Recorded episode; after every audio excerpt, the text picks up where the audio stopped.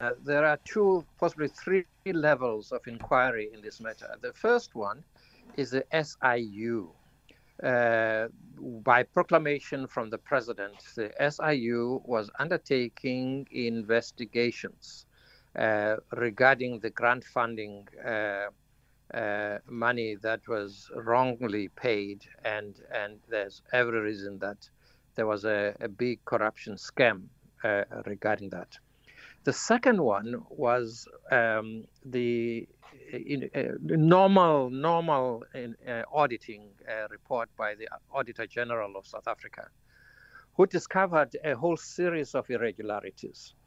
And those irregularities are taking two forms. One uh, internally, another one is that there is a disciplinary process against four executives, largely as largely as a cons- as a management consequentiality management by the commissioner of the National Lotteries Commission. The Nexia report that you referred to um, had been, in fact, commissioned uh, independently by the NLC, um, for which no action was taken. And the, um, the commissioner, Mr. Uh, October, then took action on the basis of that report. The sum total of it is that uh, the concern that we have at the moment uh, relates to the inv- investigations of the SIU, what has happened so far is that there's been uh, assets have been frozen that are, are thought to have been mis, mis, mis, acquired wrongly. They've been frozen. What usually happens is that the assets forfeiture unit would then get to place and and and appear and determine whether there are any forfeit, uh, assets that should be forfeited.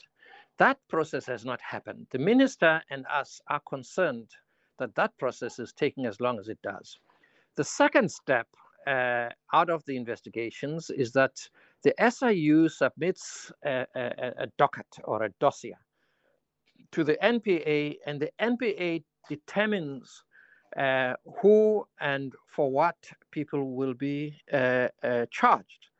And uh, now it's over a year, I think, that the NPA has submitted this dossier. NPA, uh, SIU, sorry, are frustrated that there's there's no process.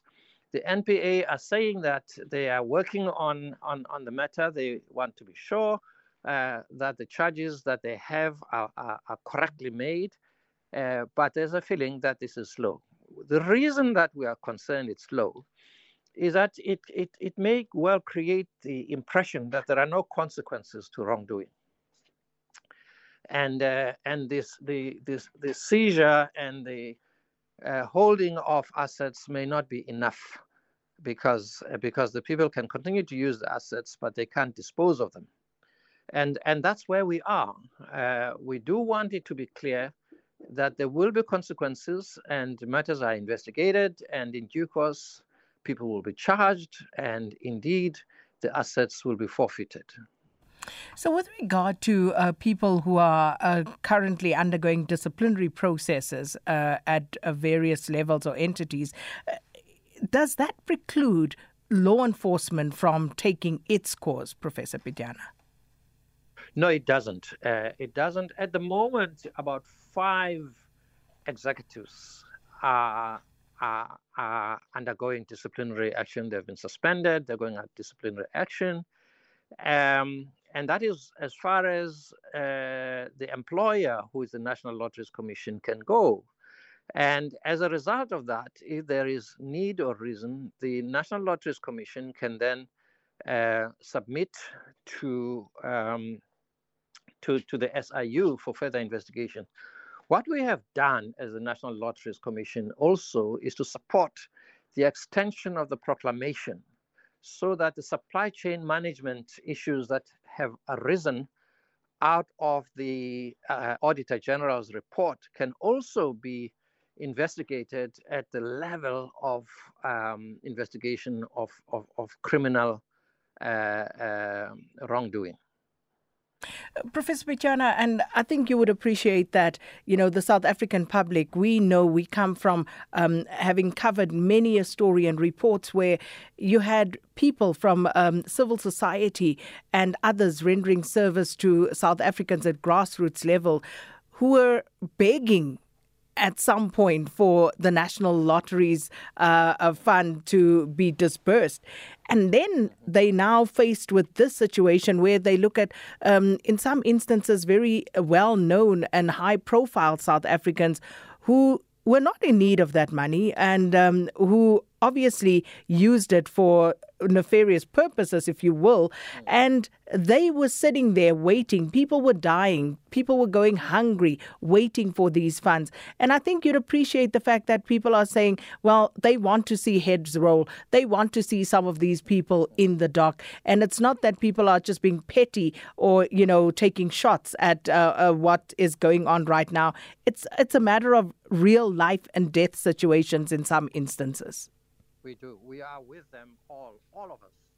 Would like to have this matter resolved. We'd like to see people um, being answerable for their mis, mis, misdeeds, and and the the law must take its course. That's what we're about, and uh, that's why we are concerned. That's why the minister is concerned. That's why we feel that together with the SIU, we are concerned that the NPA, for one, doesn't seem to giving this matter the agency deserves. Indeed, as the commission, we have we have resolved to seek audience with the uh, director of, of, of, the national prosecutions um, in order to get some assurance, some comfort as to the work that is being done.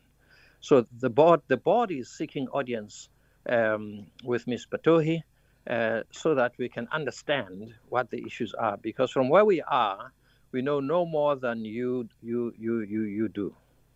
Well, Professor Pityana, thanks so much for your time. And that was uh, Professor uh, Bani Pityana, the National Lotteries Commission board chairperson. So um, we also have the Special Investigating Unit with us uh, because they've been investigating uh, the corruption involving the lotteries grants since 2020.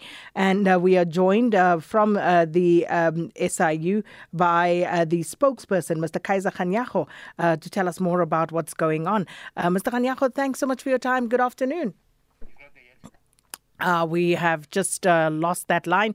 So uh, we'll bring Mr. Kaiser Kganyago on shortly uh, just to hear from the SIU side, you know, what are the latest developments and also uh, looking at widening the scope, as you heard there from Professor uh, Professor Pityana. And um, we, we will just listen to what they have to say about this matter. But as I said, for many people, this is a very sore point and, and a matter of great hurt and obviously anger and outrage given how this has played out. Uh, I believe we do have Mr. Kaiser Kganyago on the line now, spokesperson for the Special Investigating Unit. Uh, Mr. Kganyago, thanks for your time. Welcome to Updated Noon. Ah, good afternoon, again, and good afternoon to your listeners. Mr. Kganyago, let's start with the um, SIU uh, wanting to widen the scope of this probe in order to investigate uh, procurement by the National Lotteries Commission as well. Uh, so tell us more about that. Yes, we have been investigating in terms of the proclamation, and one of the things that we're looking at was grant funding. That is what the, all along we've been dealing with. But when we're doing this investigation, we saw that there were some irregularities in the procurement side of things. But it's not only us. The current board and the current management of, of the lottery have now come to us and say, this is an area that we've got concerns of and therefore can you look at it. But the current proclamation doesn't allow us to do that. That we have started a process wherein we have to amend the proclamation to allow us to go deeper into the other areas. So, just in terms of what you have stumbled across, as it were, uh, Mr. Kganyago, uh, can you tell us a little bit more about that? Uh, do you suspect massive fraud in this instance? Mm, uh, we're not sure whether it's massive, but we have found so far that there might be some irregularities in how they were procuring services besides the funding because grant funding is just only when we deal with applications that come in and how they were handled and how the money was siphoned off. But we then find that it might be possible that in, in the areas where they were getting services from service providers for the purposes of the lottery commission itself, there might be problems and with the angles that we have seen already, we, we have got enough for us to request for an amendment. So, just uh, in that conversation that I had previously with Professor Pityana, who's the board uh, chairperson of the National Lotteries Commission, um, so he agrees that you know uh, they will support uh, that particular avenue, but also uh, looking at the number of people who have been charged and prosecuted for these crimes. What is the SIU's view on what's happening right now? Yeah, the, it, it is a very difficult uh, question to answer all the time because we, we focus mainly on what we are supposed to do. But at the end of what we do, people always ask, what about uh, the, the orange overalls? And we are saying that process has to happen because there's also the issue of whether the evidence that we are giving to, to the National Prosecuting Authority is enough or they need to do further investigations around those issues. Therefore, that is the area that is causing all these problems for, the, for now. But we want to, to, to say, in terms of the law, we are doing what we're supposed to do by referring these matters, and they've got to do what they're supposed to do because we don't want to infringe into their mandate, but we are working with them, and we are comfortable that they are doing something about it. Well, Professor Pityana has indicated that uh, they have actually sought audience with uh, Shamila Batoy, uh, the National Director of Public Prosecutions. But from your side, as you say, you're not sure. In terms of the audience that you may have had already at this point, or if you didn't, you'll indicate, Mr. Kganyago, uh, what has the NPA said to you?